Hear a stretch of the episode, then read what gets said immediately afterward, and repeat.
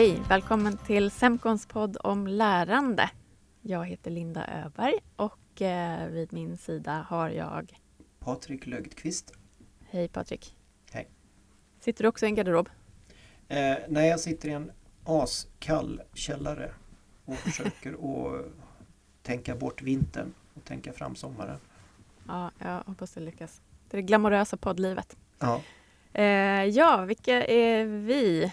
Lite kort om oss. Vi är ju Seaning Trainer Specialist på Semcon. Jag sitter i Göteborg och du sitter i Stockholm så att det här är ju ett litet eh, digitalt ljudfusk. Precis, precis.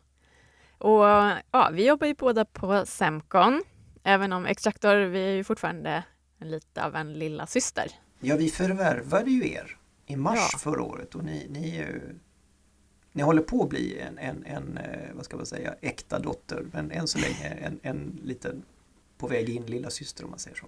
Precis. Mm. Och ja, men tillsammans så har vi ju ganska nyligen lanserat en kampanj om mindre lärande och hög effekt. Mm. Ehm, kan du berätta lite mer? Ja men alltså här, förra avsnittet så pratade vi ju lite grann om eh, vad den här podden ska handla om. Vi ska ju, vi ska ju titta på myter, synpunkter, tankar och idéer om lärande. Och en del ska vi slå hål på och en del ska vi boosta. En del vet vi inte så mycket om så då ska vi ta reda på mer om det och kanske fundera lite. Men oavsett så är ju det för dig och för mig och för hela Semcon viktigt att lärandet har en hög effekt. För vi har ju ändå kunder som betalar pengar och lägger tid och resurser på att skapa lärande och då är det ju bra om det lärandet har en effekt och det är lite grann det vi ska prata om idag. Precis. Ehm, men, men det här med hög effekt, vad, vad betyder det? Det är ju en ganska stor och bred fråga men vi kan ta ur eh, affärsperspektivet kanske. För de flesta organisationer sätter ju upp mål och det är ju per definition förändring. Och då kan vi ju sätta oss som lärande specialister och fundera på vad av den förändringen kräver lärande. Alltså vad kan vi redan? Vad måste vi lära oss? När måste vi lära oss det och hur gör vi det på bästa sätt? Och då har vi ju på ett ganska effektivt sätt gjort klart för oss vad vi inte behöver lägga tid och kraft på, det som organisationen redan kan. Mm. Då kan man exempelvis göra en tidplan och lägga en budget som är mer effektiv och då har man ju, tycker jag åtminstone, en bättre effekt på lärandet. Mm. Kan, du, kan du ge något konkret exempel?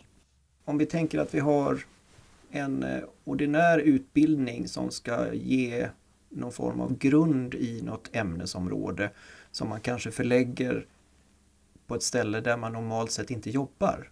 Mm. Då kan ju alla förstå att det kanske kommer att bli jättekul att åka dit.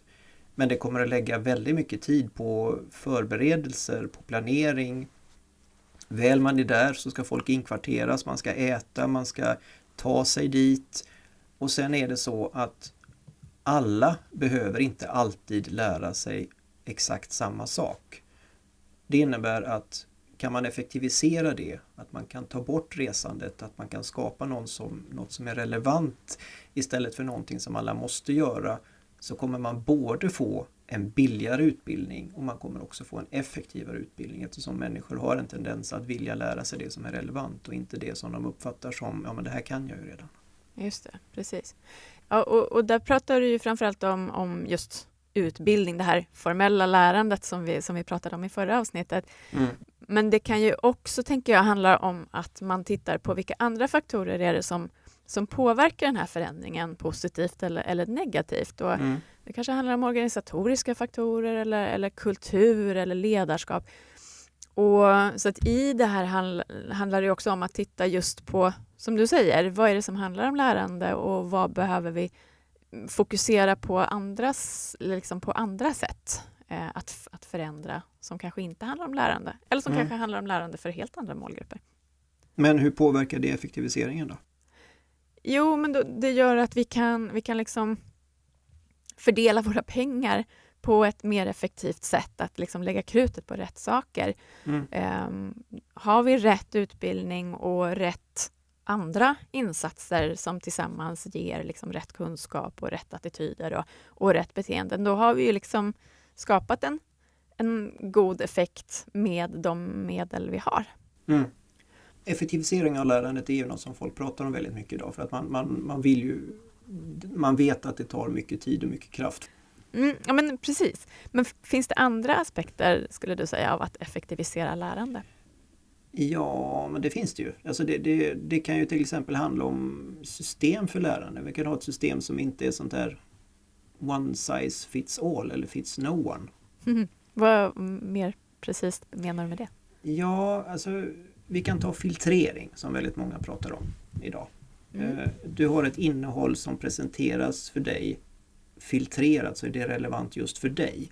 I den rollen du har eller den arbetsuppgiften du ska utföra just nu eller mm.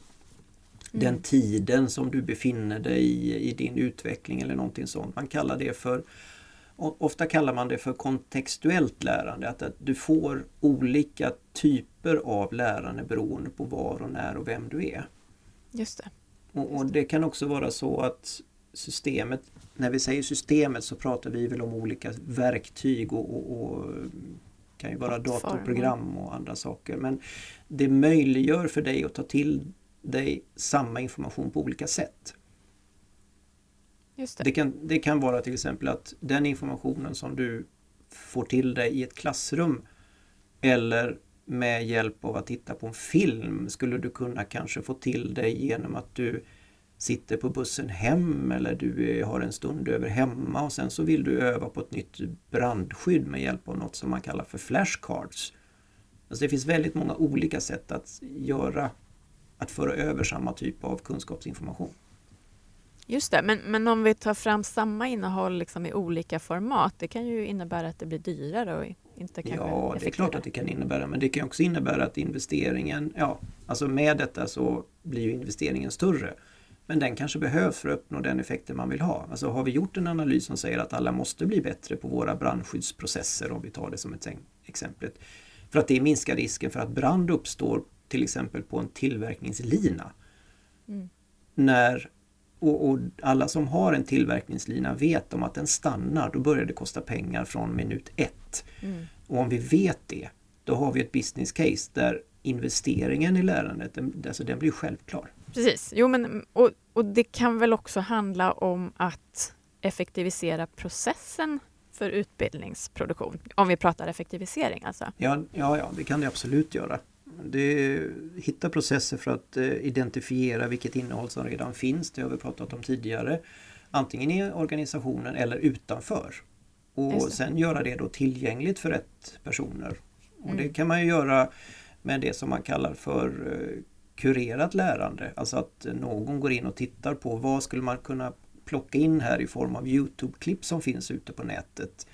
Eh, till exempel. Eh, man skulle också kunna låta människor själva få dela med sig av sin egen kunskap i organisationen.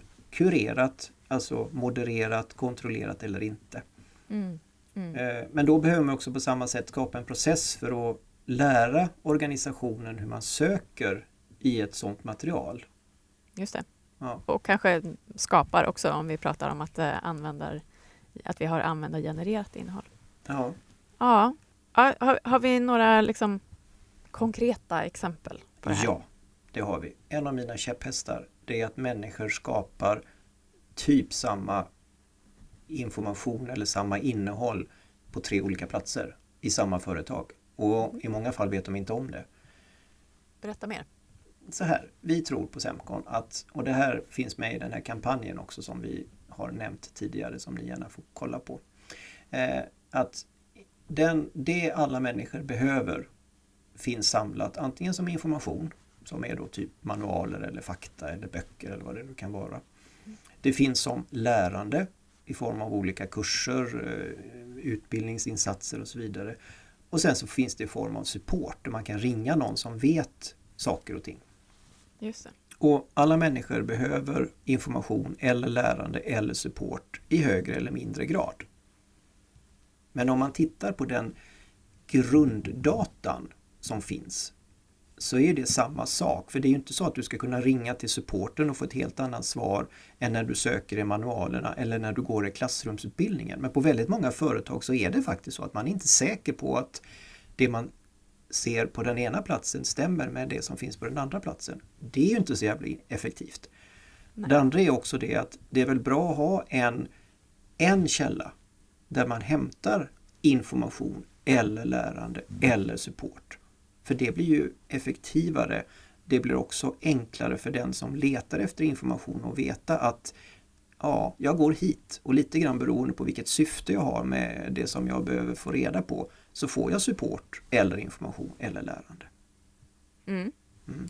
Det låter logiskt och det är ju ganska hemskt, tänker jag, om det är så att man inte litar på att, eh, att man hittar liksom rätt eller samma information oavsett vem man frågar. Ja, ja det är ju astradigt. Ja. ja. Hörru du, ja. Mm. ska vi jag... Eh, packa ihop väskorna för den här gången? Vi ska ju inte ha sådana här en timmes avsnitt utan det här ska ju vara lite snabbt och rappt och enkelt. Exakt. Eh, men det är ändå så att vi, vi på Semcon, vi tror på mindre lärande, men bättre. Det, det, kommer vi säga i slutet av varje avsnitt. Det kommer nästan att bli våran payoff tror vi. Kan vara så. Eh, tack så mycket för att ni lyssnade. Tack. Den här podden finns eh, där poddar finns. Och nästa gång så tror jag faktiskt att jag och Linda kommer att kasta oss ner lite grann i gamification för där finns oh, det mycket. Det ska bli jättekul. Det ser vi ja. fram emot. Ha det bra Linda, nu ska jag gå och värma mig. Ha det fint. Hej då.